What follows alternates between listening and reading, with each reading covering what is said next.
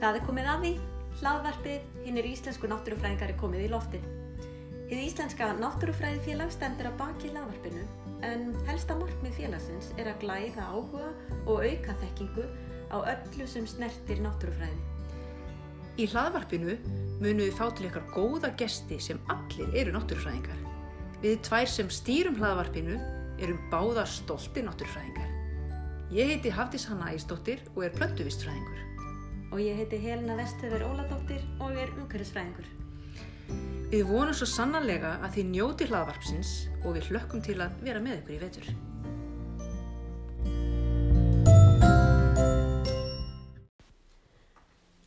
Komið sæl, kæri hlustendur og verið velkomin í hlaðvarp hins íslenska náttúrufræðifélags. Uh, ég heiti Helena Óladóttir Og ég heiti Hafdís Hanna Ægisdóttir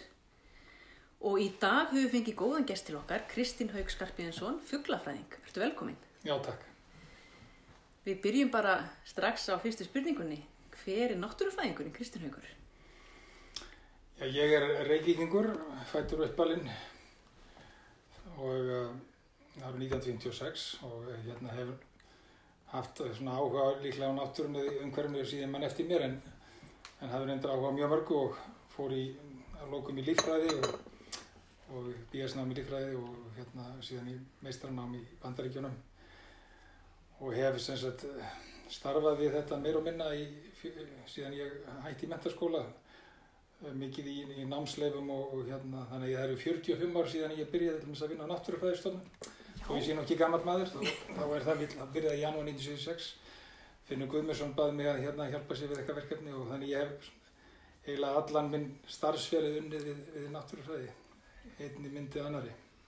Einmitt, og hafður alltaf þennan áhuga á náttúrufræði eða fugglum eða hvernig kom svo á því? Já, ég held að þessi óta að segja, ég, svona svo lengi sem mann eftir, ég áhugaði svona að skoða umhverfið og, og fylgjast með ykkur og, og ég var nú í sveit frá því ég var 8-9 ára og, og ég manni, maður dætt oft í að vera að skoða fuggla þegar maður átti að vera að gera eitthvað annað og glemdi að koma heim í kýtnar og svona, það maður fekk stundum bátt fyrir, en hérna, og uh, síðan hef ég, ég syns að ég unnið, var í brúafinn út á landi og hafði mikil tækifærumlega til að skoða umhverfið og og ferðast mjög mikið er þannig að þetta hefur verið svona, svona áhuga mál og vinna eiginlega samtvinnuð bara alla tíð. Þannig að það lág alveg beint fyrir að leggja stund á líffræði? Nei, það lág alls ekkert beint fyrir. Ég vissi ekkert hvað ég ætlaði, hvort ég ætlaði að verða líffræðingur eða, eða hérna og nefndi ekki eins og sækjum í háskólan. Það var móðið mér sem tók af mér ómækið og sótti mér líffræði og hún held að það myndi passa ágætlega fyrir mig. Mm. En, En ég fekk reyndar svona brennandi, alveg brennandi, brennandi áhuga á fugglum þegar ég var svona klára mentaskólan og það var einmitt hérna, það var í fyrsta skipti sem að bóði upp á sérstaklega fugglafræði áfanga í líffræði í, í, í mentaskóla held ég á Öruglu Íslandi og það var, og það var svo vinsall það voru þrýr bekkir, það voru 60 manns eða eitthvað eða 70 manns sem tóku þennan áfanga Já. og sá sem kendi þetta var Jón Gunnar Ottoson sem að Ég nú að starfa sem fórstjóri náttúrufræðistóðunar fyrir, fyrir bara lók síðast árs. Hann, hann kent þetta og var mjög, mjög skemmtilega áfangi. Við vorum með, með, með, með tilraunir í, fugglaatildisfræði, fengum hænur, eða hænungar réttar að sagt og vorum með síðan tilraunir. Þetta var þess að hvað fyrir kjallaranum í Hemralíð. Og þannig að þetta var svona dálítið ómjöguleg kjensla og þetta var svona eiginlega, eiginlega má segja að við fleittnir yfir þessi mörg sem, að, sem ég hef aldrei komist tilbaka yfir. Þannig að ég hef verið svona ég var mjög langt skeið forfallin fugglaskoðari og eitti öllum mínu frístundum í það, það er nú svona aðeins réttlast af mér en ég hef náttúrulega áhuga mörg öðru en, en þetta var svona ofan á þegar ég valdi mér svona æfistarf. Þú, se, þú segir, þú sagðir áðan að þú hefði farið til bandaríkjana í framhalsnám, hvert fórstu og hvað lærði þú? Ég fór til hérna University of uh, Wisconsin í Madison og það er deild sem er, er semst, dýra, var kent svo, svo kallu dýravistfræði eða Wildlife Ecology og, og hérna var einn fyrsta deildin sem var sett á laginnar í bandaríkjum með mitt og að manni sem er, var frægur í, í náttúruvend og, og frumkvöld á mörgum sögðum Aldo Leopold mm -hmm. var uppalega skófræðingur og, og hérna er svona þetta frumkvöld fyrir náttúruvendar í bandaríkjunum og það voru stúdentar hans sem voru ennþá þarna við völdin þegar ég kom þarna merk, merk, merkilegi kallar sem að kynntist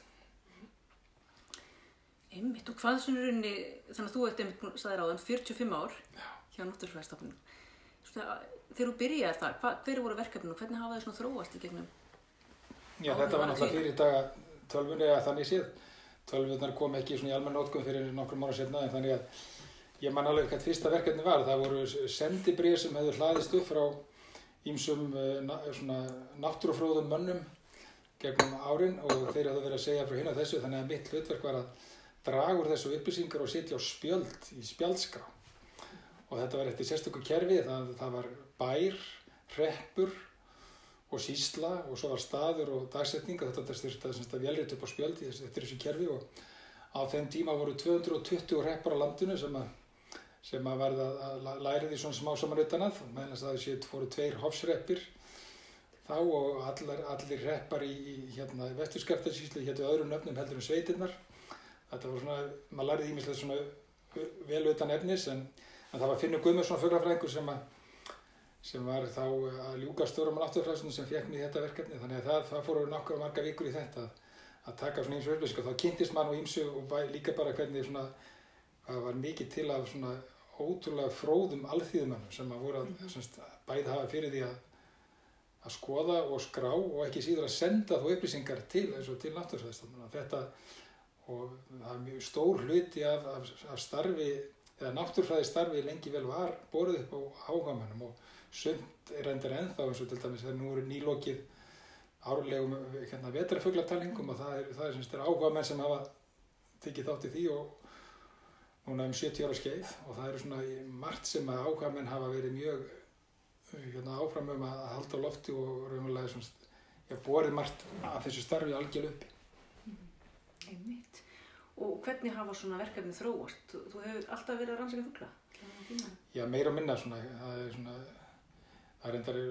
mjög mikið á tíðanbili var starfið í fólkið í allskins álitskerðum í sambandi við umhverjum mat og fleira þannig að maður þurfti svona þess að kynna símislega þannig að rauðið þráðurinn hafi verið fugglarrannsóknir og svona, og svona þá líka svona hérna, fugglavend líka, það hefur verið náttúrulega tengist oft saman að þessi að maður hefur áhuga ykkur og svo vil maður passa upp á það þannig að ég hef svona beitt mér aldrei í fugglavend og, og svona rannsóknir sem tengjast svona að því að skrá og meta sem er hvað sé mikilvægt eða merkilegt svona. þannig það sé eftir kannski þá að taka það frá síðar og, og svo framvegis þannig að með þess að ég verið að vinna hérna válista þar sem að menn reyna að meta svona líkur á að eða hættur sem stafa um sem fugglategund og við vorum þetta við vorum rúmu, já um það byrjum tveimur ára þá kláruðum við að uppfæra válista yfir allar íslenska fugglategundir sem er, á, sem er að finna neti í náttúrufræðistöndunum og það er náttúrulega ímsar mjög margvíslegar upplýsingar um þá einstakar tegundir og búsvæði þeirra. Þannig að það er svona mikið að þessi vinnu eru svona verið svona skrifbósvinna undarfarið en, en það sem náttúrulega heldur manni við starfið fyrst og hennst er þessi útivist og, og hérna ferðalög og maður hefur verið mjög heppin í sjálf og sér að geta, geta ferðast við það í, í hérna undir því yfirskinni að maður sé rannsaka eitthvað. Og ég reyndar fyrst uh, hérna þegar ég var í háskólanum þá, eða það leitur lúka háskólanum þá var ég aðstóðið ég skarp í að Þórisson sem var við hreindirrannsögn á Östur, Östurlandi og við vorum þarna nokkur sumur reynda líka á öðrum ástíma og fórum þarna víðum og, og oft bara fótgangandi þannig að maður kynnti svona gammaldags ferðavennjum líka. Eins og fyrsta sumari sem voru þarna 1979 þá, þá var, var svo snjóðfúnd að það var ekki að koma við inn í bílum þannig að við fengum lánaðan hest tegndum föggur okkar á honum inn að Snæfelli frá neðan úr Hraflistal og fengur lágan hest hjá aðastíðin á, á Vaðbrekku og hérna þetta var eitthvað aldrei dramatíst hann öll vött voru í foráttu vexti og hann sundreið á klárnum yfir yfir Hrafkjölu og síðan dróð hann okkur yfir okkur gúmitöður og svo hlóðum við allir farangurunum og gengum mér að Snæfelli í, í hræðilega ófærð og, og hérna hesturinn gafst nú og lókum upp skamtur hann á Snæfell og svo við tókum á hann um farangurinn og sleftum á lausun eins og okkur hafi sagt að gera því hann ræði hindi sín og síðan síðan hérna gengum við nokkra kílometra í skála sem þar var og sváum í rúma við tristum okkur að ná í farangurinn og þá hún hýmdi hesturinn ennþá og hugsaum okkur gott í glóðurinnar að, að láta hann bera farangurinn síðasta spurning en þá hljópa hann hindi sín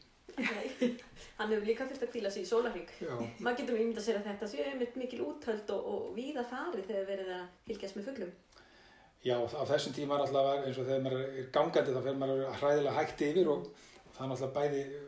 kostur og löstur sko, kosturinn alltaf maður, maður sér svo margt þegar maður fer, fer, fer gangandi um leið kemur að þeim að vera þreyttur og hættir að taka eftir þannig að þetta verður að vera ákveði jafnvægi. En og ferðalögin voru stór hluti að tímanum voru ferðalög að koma sér á milli staða og, og tjálta og, og, og alls kyn svona nú er þetta orðið miklu markvísar að maður er, skipilíku tíma sem örgursunni betur og fljótar öll og getur næstu skipilagt útvinnun upp á klukkutíma. Meðan þetta voru kannski spurningum að missa út daga og ég fylg halva vikur í eitthvað vegna ófærðar eða veðus. En fugglar bera mann alltaf víða, þeir eru upp á haflendi og þeir eru á Ístu Amnesum og er einhver blettur á Íslandi sem þú hefur ekki komið á?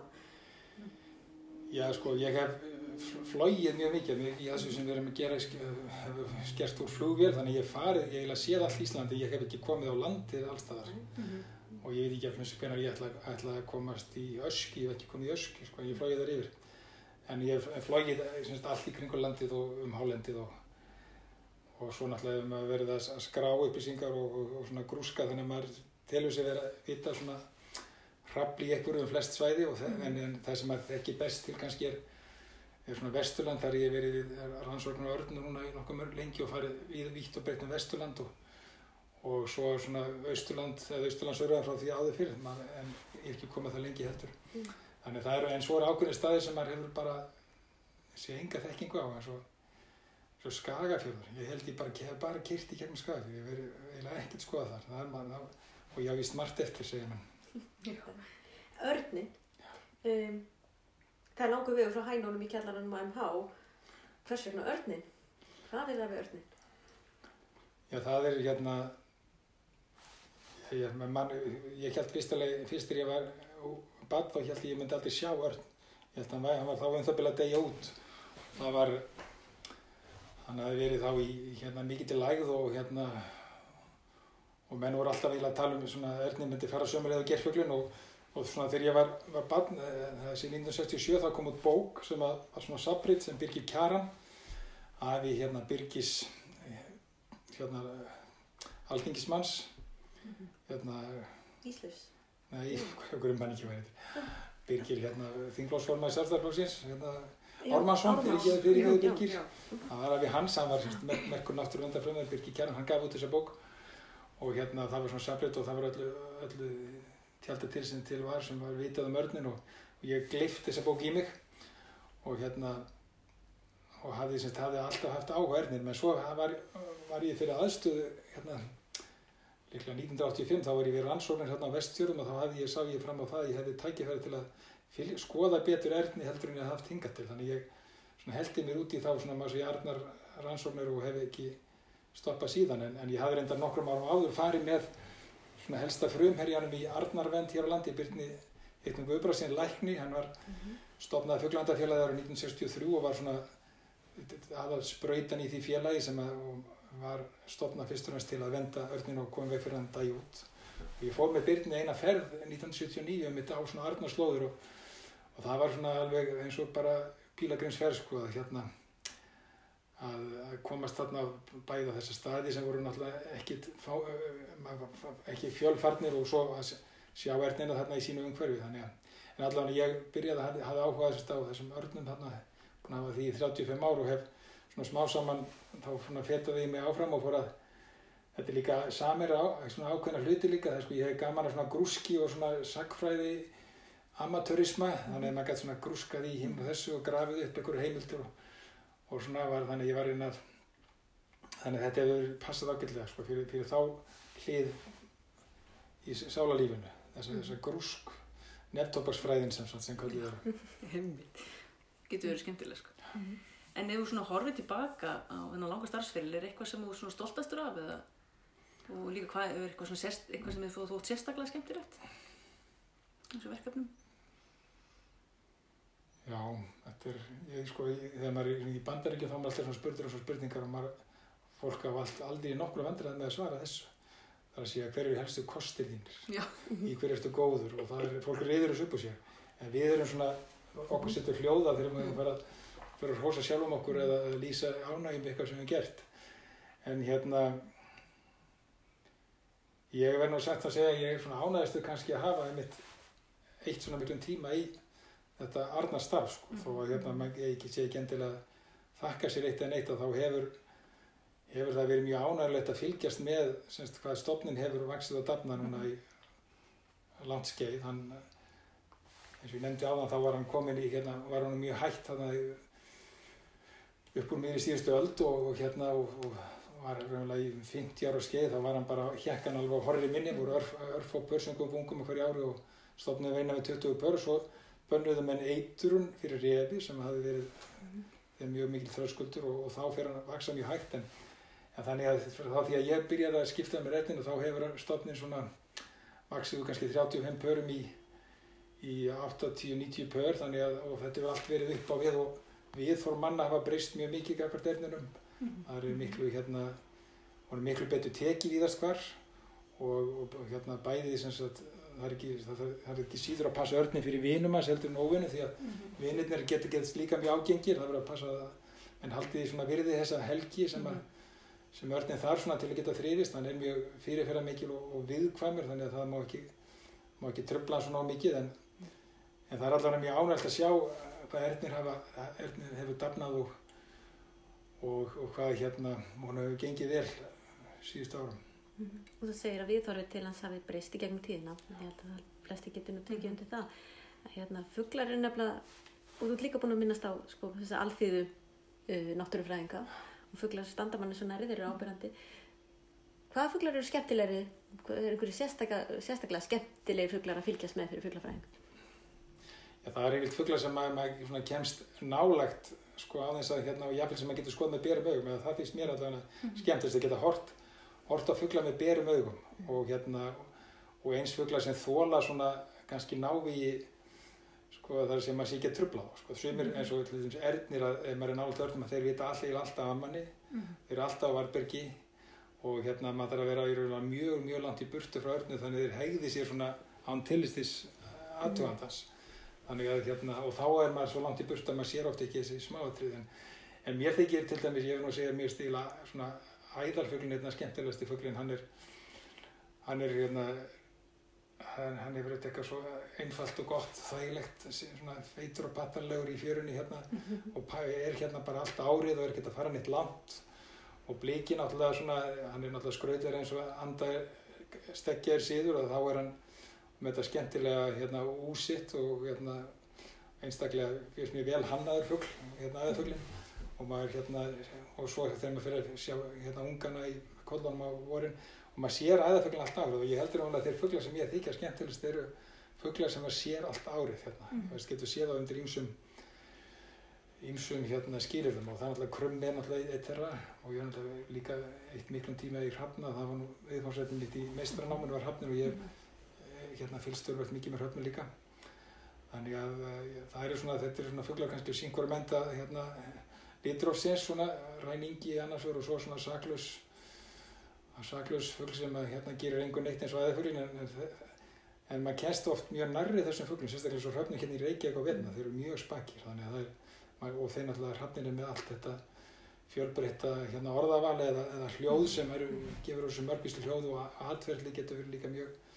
kostulegt þannig að það er og maður sér þetta með berum augum og ég held að ég kunna að metta það mm -hmm. Nákvæmlega. Mm En svona fugglaskoðun, hefur hún hjá almenningi, finnst hún hafa aukist núna síðust árum eða er hún? Já, ég held að það sé ótt að segja og sérstaklega nú, er myndatakana aukast mjög mikið og það er náttúrulega, það er, það er komið svo mikið, komið svo mikið að fínum græjum sem kosti ekki alltaf mikið pening og fólk er að taka alveg frábæra myndir svona sem að, og fólk er fljótt að ná tökum á þessu. Þannig að það er alveg hrúast inn flottar fugglamyndir og svona þannig að ég held að það sé mjög mikill áhugi fyrir, fyrir þessu, fyrir fugglaskoðan sem kannski ekki endilega er verður til þess að fólk fara að gera eitthvað skipulegt eða mm -hmm. meira en það er hérna það er svona þannig að áhugast áhugin kannski beinist að því að, að kannski náfallir mynd og svona eitthvað að, að gleda sig en það er allavega maður, maður finnur allavega mjög mikið fyrir því að fólk hafi áhuga og maður en maður er mikið spörður og það er vinsalt efni í fjölmiðlum er allt fugglatengt og það er, líður alltaf svo, svo vika þessi í einhver fuggla á einhver, einhver staðar í einhverjum stórum fjölmiðli. Mm -hmm. Einmitt. En svona þú hugsaður aftur tilbaka í rauninni frá því að þú byrjaðir já, að læra líffræði og, og, og fúst að vinna hjá náttúrfræðastofnun. Um, er eitthvað sem hefur komið þér á óvart í rauninni gegnum þennan starfsferil? Er eitthvað öðruvísi með hvað, hvað þú taldir að þú verður að fara út í þegar þú byrjaðir? Eða er, er, er starfið eins og þú þið, þið dreymdu um í rauninni í byrjun? Eða er þetta öðruvísi? Já, ég náttúrulega sko, ég held náttúrulega allir sem, að, sem er vinna hjá einhverjum ofbyrjastofnuna þeir uppgöta það að, að, að skrifbósvinnan er mjög mikil. Bref og greinagerðir og álit og, og svo framvís og það fer, það fer alveg ræðilega mikil tími í þetta og þetta er mjög leiðilegt stundum. Og ég held að ég hef aldrei ráðið mig í svona vinnu eða ég vita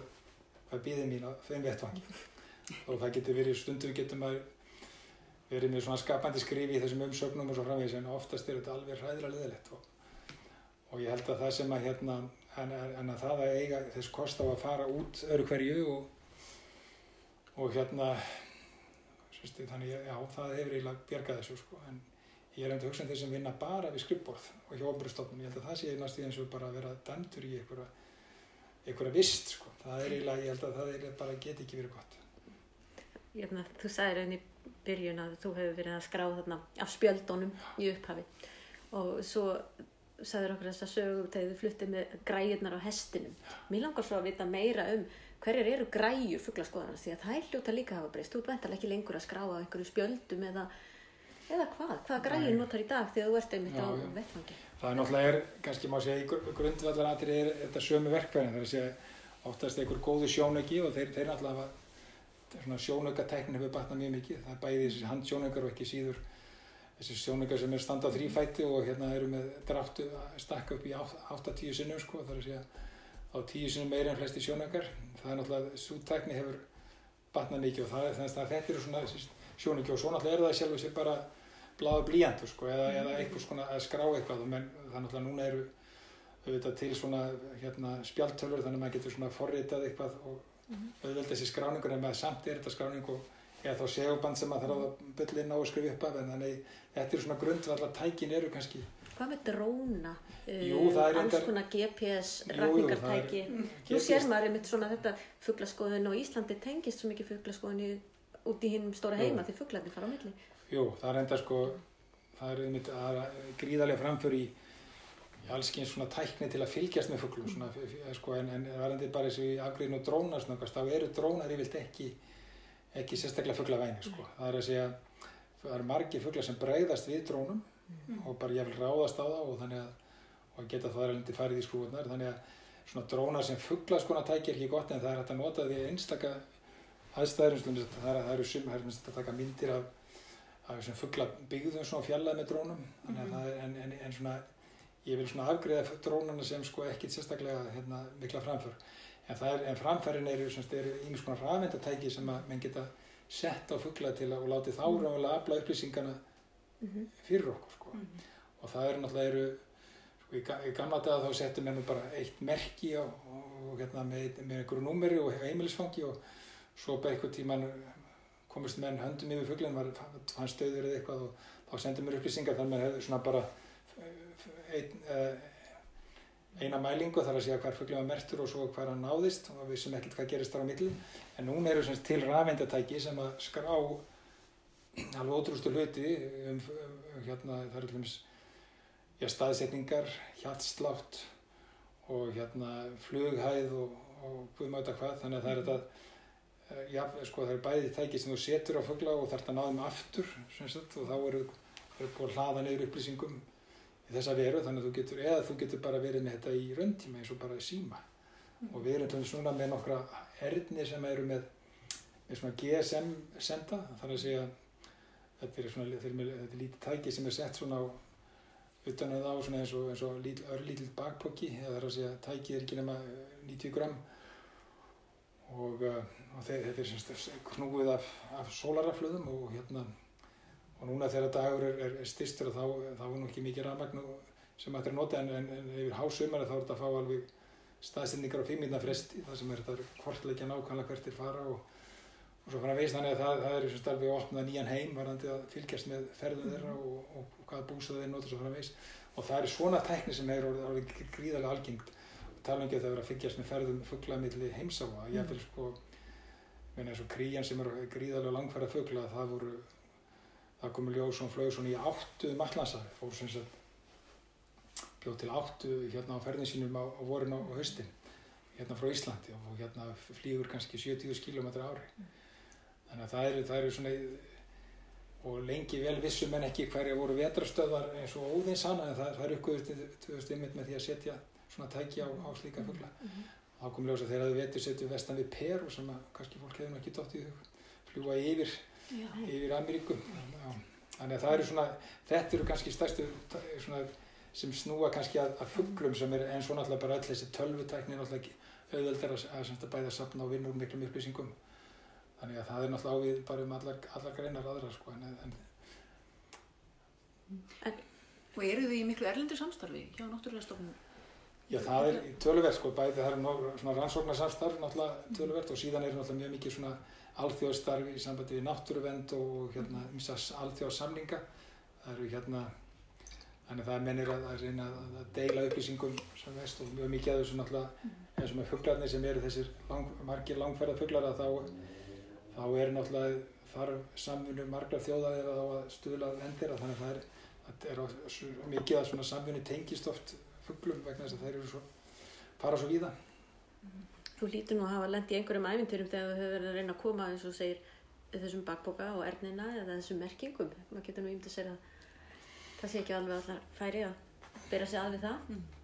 Já, ernir eru nú, sko þetta nú oftast eru menna eiga við unga eða mm. stálpaða stálpað erni, þeir eru náttúrulega vel kannski stóri, fjögur kíló eitthvað svolítið, svo með klædnar á þeim er svona eins og manns, mannshönd hálbeittar þannig að þeir geta sjálfsög en yfirlt eru arnanungar mjög, mjög meðferðilegir svona, og miða við svona hvað eru stór og geta valdið skada þannig að það er yfirlt ekki svona mjög sjálfgjað sem að verði fyrir einhverju svona skada þeirra völdum, maður hefur reynda verið klóraður og allt það er bitin en það er nú ekki vandamál en það er oft kannski meira mál að komast komast á staðina, þetta eru svona afskekti staður og maður þarf að nota kannski báta og, og við höfum stundu vaðið og ég hef líka synt, ég nefndir hættu því núna en, en það var hérna, ég hef synt semst með, merkingatöng í annari hendi og arnamerki í henni hendinni til að komast út í hreyður en, það er svona, það er ekki mætt með því, maður notið það. En, eh, en yfirlt er þetta nú svona, ef maður lærist sko svona all, allar ævintýrasögur að ferðalögum staðvilt af ónógum undirbúningi eða einhverju slíku. Þannig að að það er svona smá saman þá hérna rjallast að manni þessi hérna allir þessi ævintýri sem maður lindir í. Já, fyrir skrifstofumannin þá held ég að það að bara að fara og, og í varp eða fara að reyri eða fara og, skoða unga, ég held að það sé nú alveg nóg mikið ævintýri, svo það þurfi ekki að kosta til að þurfa að synda með langarlega með, með töngu eða merki, sko. Þetta fæstir sem hafa mitt farið svona, svona ferðalög, þetta þetta er nú raun og ótrúlega eventri sem að geta fyllt svona störfum. Svona en þú hugsa líka um raunin náttúrufræðina sem, sem fag bæði fugg, fugglafræðina þar, er, er, þar á meðal. Um, hvert til eru verið svona hlutverk og mikilvæg náttúrufræðina í dag? Í raunin í svona tímum þessar öru, öru breytinga í, í náttúrufræðu og, og lofslægi mm. Ég held að það sé náttúrulega gríðalega mikilvægt og svona og viðfemt, það er náttúrulega fyrst, þetta er náttúrulega, við getum sagt, sko líffræði náttúrulega tengist fyrir inn í inn í læknisfræðina og, og hérna þetta er svona, hún náttúrulega kemur mjög víða við á semst, bæði varðandi hilsufólks og, og umhverfi og hérna og síðan náttúrulega einslega sem við viljum venda á hérna kannski fyrir manninum og þá annarkort á, bein, á beinan eða óbeinhátt og uh, þekking á umhverfinu hún er náttúrulega eða við, við sem við sem lífum á fyrst og næst á auðlendum við hljóttum náttúrulega eða vonandi áttum okkur á því að, að, að við þurfum að, að þekkja þessar auðlendi til að geta nýtt þar skynsalega og, og það er nú eins og sem svo með því nú er verið að senda hérna leitarskip að leita loðnunni það því loðnan er ekki tínd, loðnan týnist og loðnan finnst og þá fara að leita og, og það eru hérna semst mikið af þessu sem við, við gerum er, er svona eins og þessi útkall. Það er semst að það þegar kemur eitthvað upp á þá, þá kemur okkur eitthvað óvart. Og það er stundum vegna sem við höfum trassað að fylgjast með hlutum eða vakta þá og við sjáum þetta nú eins og í náttúruhanfjörunum þar sem verið að treysta alla þessa vöktun á, á, hérna, á svæðin sem eru hérna, undirorpin jarskjáltum, skriðum eða eldgósum og það er og það, það á, þetta ávið á mjög mörgum sviðum náttúrfræðina að það þarf að stórefla hverskis vöktun og svo náttúrulega má það ekki bara, það er ekki nóg bara vakt að menn þurfa að reyna að aðlast eitthvað skilning á þessum ferlum, samspilið þeirra. Þannig að þetta verður æg mikilvægur og mikilvægur vegna þess að, að það blasa náttúrulega mjög stór vandamög og allt, og allt sem tengist loftarsbreyting til dæmis sem er nú ennþá svona heitt kartabla sem sömur vilja hér ekki hérna samþykja að það er náttúrulega, það er svo gríðalegt samspil allra greina náttúrfræðina sem, sem kemur hérna kannski best saman þar. Hérna í samtil loftarsbreytingar þannig ég held að það að annars vegar er það bara að treysta þessar rannsóknir og svo ekki síðan að miðla þeim og, og það er náttúrulega alveg ljóst okkur mistekist á stórun hluta náttúrfræðingum að koma til skila mikla því sem við teljum okkur vita best. Mm. -hmm. Eða þá menn bara að treysta því ekki sem, sem að segja sér rétt. Og það er semst þessi landlaga hvað var að segja hérna já, þessi landlæg skoðun margra sko að, að það sé hérna að menn hefur mentað sér til skada þannig að menn hefur mentað sér mikið þá sé, sé ekki að marka það því þeir hafa mist tengsli við græsúltuna og það er semst að og þetta sem var sagt eins og hérna niðrandu fiskifræðinga þeir eru aldrei mýði seltan sjó. Mm -hmm. og þess vegna sé ekki markaðan takandi og, og þetta er svona það var að brúa þetta bílmiðli þeirra sem að sem kunna og vita og þeirra sem að telja sér vita og kunna en kannski hérna þurfa á þessum upplýsingum að halda. Þú hefur einmitt verið að vinna mikið að þessari fugglavend sem er liður í náttúruvend og, og vöktun beintengt því. Hérna, hvað, hvað breytingar hefur þú séð á, séð á, séð á fugglastofnum á Íslandi? Hefur þið tekist að fylgjast með einhverju breytingum sem það svona snerta stóra samingi? Jú, það er náttúrulega orðið gríðarlega breytingar hérna svona, hvað var að segja, á síðustu áratugum og við sjáum til dæmis að það hefur orðið sko, stærstu stofnar, fugglastofnar landsins sem eru sjófuglar og það er margir þeirra að hafa hérna beðið afhróð, fækka mm. mjög mikið og það eru breytingar sem eru hérna í fæðu keði hafsins mm. sem er skilja nú ekki endur til hítar en, en það eru til dæmis eh, eitt sem er sá nú glögglega þegar það var hérna, brestur í viðkomi sandsílis hérna fyrir svona 15 ára fyrst mm. sem þetta hefur gerst nokkur sem áður að þá bara hættu kríur að verpa hérna í kringum hérna höfuborgina eða mm. kríugarp var ekki mjög illa og lunda var ekki mjög illa og marga tegundar þannig að það eru það er búið að vera hérna semst, ábyrjandi léleg viðkoma hjá mörgum tegundu sjófugla og, mm -hmm. og þeim, þeim er fækka mikið og svo eru aftur móti aðrir aðrir fuglar sem hafa hérna líka eins og tölum bara um svartröstin sem er hérna kannski sá fugg sem er mest ábyrjandi hérna í bænum á veturna, Ríkjavík á veturna og, og, og starinn kannski svo hann er meira ábyrgend en, en skóðþristurinn að þetta er fugg sem namn hérna land fyrir 20 ára mm. og hefur, hefur bara og það eru fullt af fugglategundur sem hafa snið með land og vegna hérna mjög vel á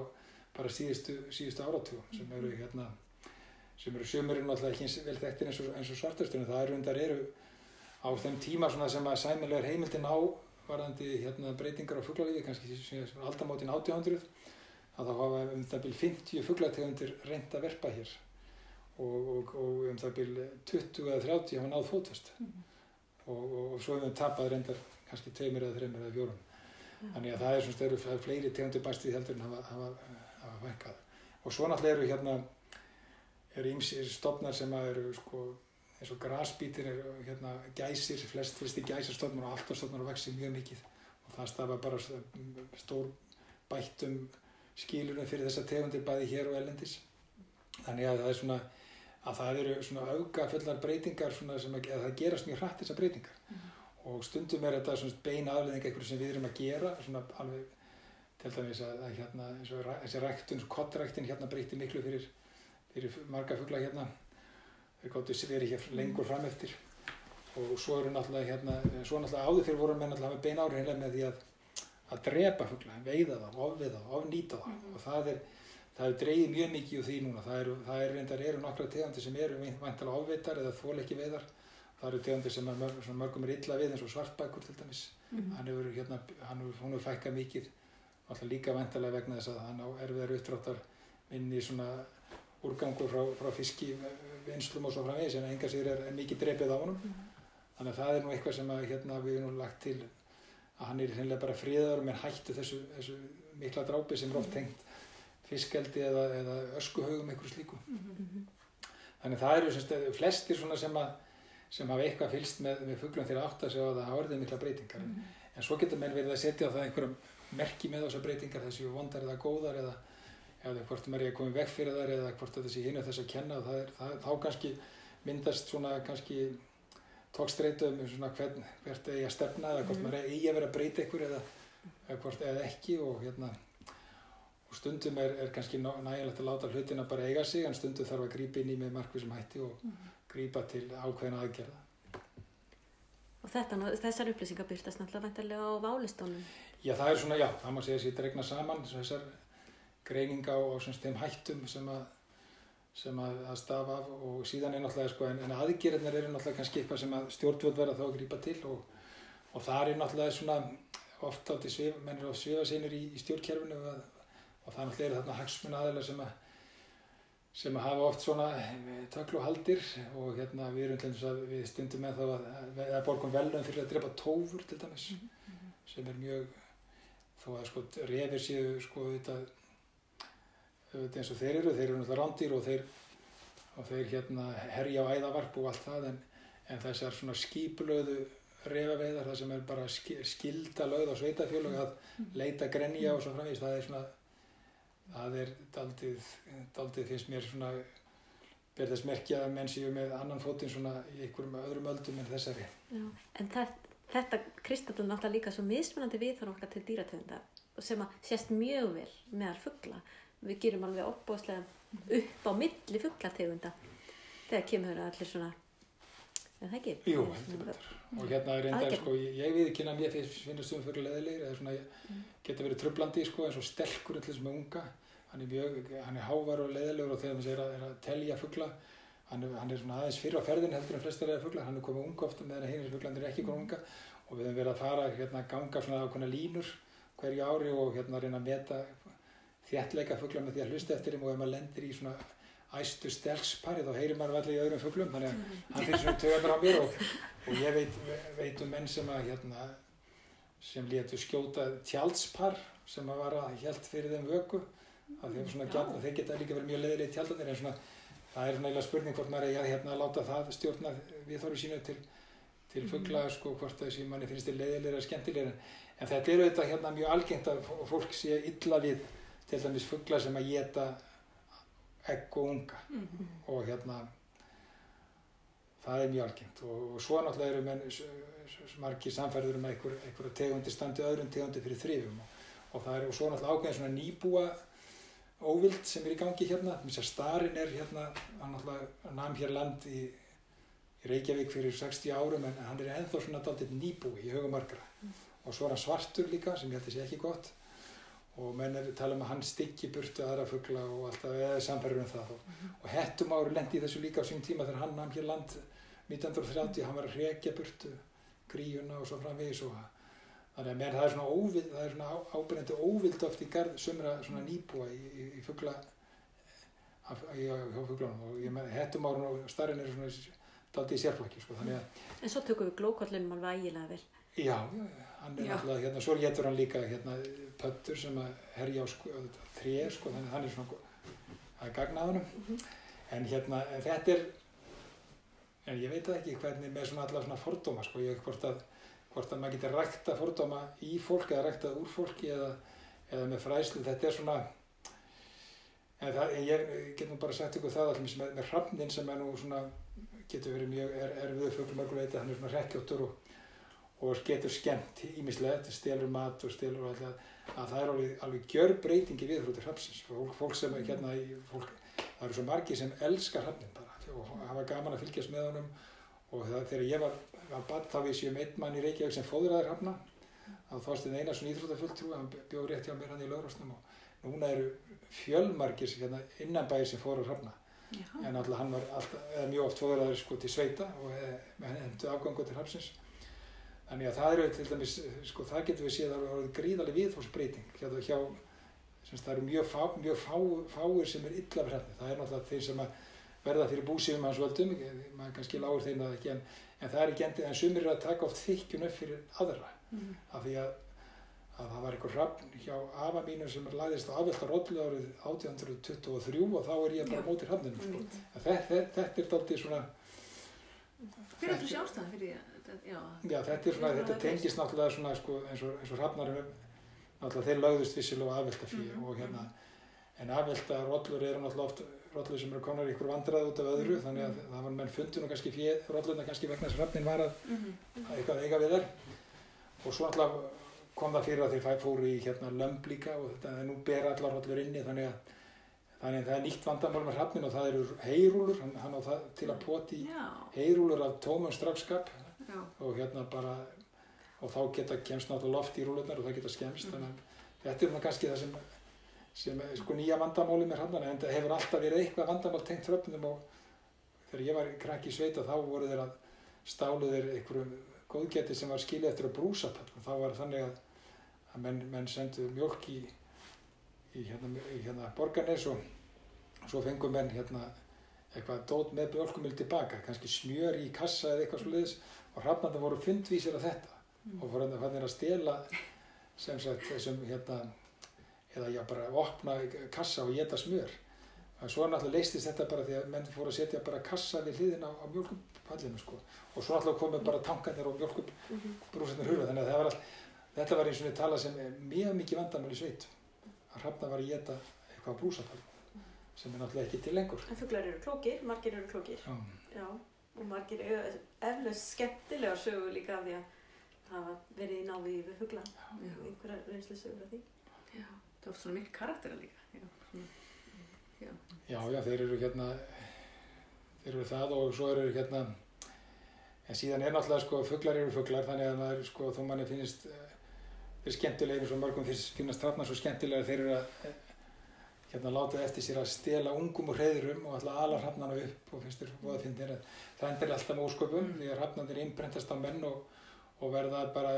rekkjóttir og hálf svona einhverfir og vittlusir þannig að hérna þannig að þeir sko þeir kunna, þeir kunna ekki fótið sem forrað og þannig að, að það, það með maður passa sig sko að elska ekki fugglan á mikið og vilja hafa það hjá sér og, og Nei, voni einmitt. sér. Sko margir gefa fuglum og margir fylgjast með fuglum og einmitt, uh, þeir sem vilja gera gott fyrir fugla. Hvað getur þú ráðlegt þeim? Já, það er svo, fugglafórun er, er mjög svona gefandi það, en hérna, það er eins og eitthvað segir, sko, ef maður byrjar að gefa fuggla þá er maður að halda því áfram, Mhm. af því að maður er svona búin að venja þá ákveðin svona lífsætti, svona, eða leti líf og það er því að, að það er margt sem að, svona ágavert sem maður getur fylst með þeim með því að, að fóðra fuggla, þeir eru náttúrulega að rífast um matinn og rífast sín á milli og allt það og þannig að það, er, það, er, það getur verið gaman, en síðan eru þetta hérna, menn eiga til dæmis að ráði yfir einhverjum, einhverjum landi, sem eru eiga náttúrulega jarðir út um, um hérna, alla trissur sko. En, en ef mér ráðir í landið þá er náttúrulega spurningin sko hvað hérna, við, sumir eru uppteknir að, að breyta þessu landi í eitthvað. En það er náttúrulega líka kannski ef menn eiga þess kost að, að hérna, eiga eitthvað land sem að og, og bara láta það vera bara í lægi og friða það og ég vil endur reynda votlendi það er ímslega sem hægt er að gera. Og menna Mhm. Farið markvist í svoleiðis aðgerðir en, en til dæmis en þó er endurheimt votlendis hún er náttúrulega sko í dag miklu miklu minni heldur en til dæmis bara framræsla Mhm. og svo erum við að breyta líka úttaga mjög mikið með ræktunastarf og skórækt sem að nú kemur sér nú illa fyrir sko margar svona bersvæðistegundir þannig að menn vera svona aðeins að gæta hófs í því líka Mhm. Já, fuglar eru magnaða skepnur, ég segja það. En er svona kannski að lokum um, fyrir unga náttúrufræðingar sem að, eða ungt fólk sem kannski er að hugsa sér mögulega að fara í náttúrufræði í háskóla um, er einhver ráð sem það myndi gefa ungu fólk í dag sem að er svona að velta fyrir sig, ætti ég nú að fara í náttúrufræði eða bara eitthvað eitthvað annað. Já, ég held að sko hérna ég, held, ég er umverulega maður var stundu spurður og svona varandi þetta ég held sko að maður eigi bara að gera það sem maður langar til og maður á ekki að vera að velta fyrir sér sko hvort maður fór að vinna við eitthvað eða, eða hvort að maður hérna sé hátt launar ég held sko það er nú mann ég var þegar ég var í framhansnáð í bandaríkjana þá byrstist einhver könnunum um svona ána í starfi. Og þá komur ljós að hérna að fólk sem er einna ána þessi starfi eru einmitt náttúrfræðingar og það tengist í að hérna náttúrulega að það er oft, þetta er oft skemmtilegt líka en, en það er aðalega uh, sko að fá ráði við sínum einn tíma einhver törfleiti að fá skipulegja sín einn tíma og ánægi starfi að ekkert með laun að gera þeir sem voru há- hátt launaðir þeir voru endilega ekkert ánægir starfi. Þannig að ég held að, að, að bara leiðin sem fólk á að velja sér er eitthvað sem það velur sjálft án mikið þrýstings og eitthvað sem það hefur sem telur sig hafa áhuga á ánægja af og, og svo er það kannski að finna hérna hvar, hvar starfstækinn færin eru og það, það var til dæmis hérna sko ef maður lítur á það sko fyrir, fyrir já þegar ég var bara lítill getur við sagt þegar ég var að hérna byrja í munni eftir mér þá var eitt fugglafræðingur á landinu og það var talið nóg það voru enda fleiri jarfræðingar mm. en núna eru fugglafræðingarnir kannski, ég veit ekki sem að geta vinna við fuggla kannski 20 eitthvað fyrir mm. 20-30 og, og, og, og það eru semst, það eru það verða alltaf störf fyrir velmenta fólk á, á hérna sviði náttúrfræði og það er mjög erfitt að, að sjá fyrir um hvar, hvar verður hérna þörf fyrir eitthvað, það er mjög erfitt að sjá fyrir nokkuð skapaðan hlutum er, og það hefur aldrei tekist að skipulegja eitt eða neitt í sambandi við, við nám. Þannig ég held að, að fólk verður svona að bara ef það hefur áhuga náttúrun hefur áhuga umhverjum og vil læra meira þá það bara láta reyna á það. Ég held að þetta séu bara ágætist ráð Já, uh, sem hægt er að fara eftir. Og þessu sögðu þá bara Takk við þið kærlega fyrir spjallið, Kristján Haugur, gangið þessu best. Já, takk. takk fyrir.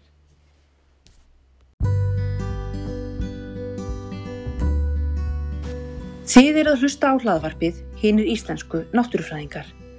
En það er hið íslenska náttúrufræði félag sem stendur að hlaðvarpinu. Félagið er opið öllum og við bendum ykkur á heimasíði félagsins hín.is.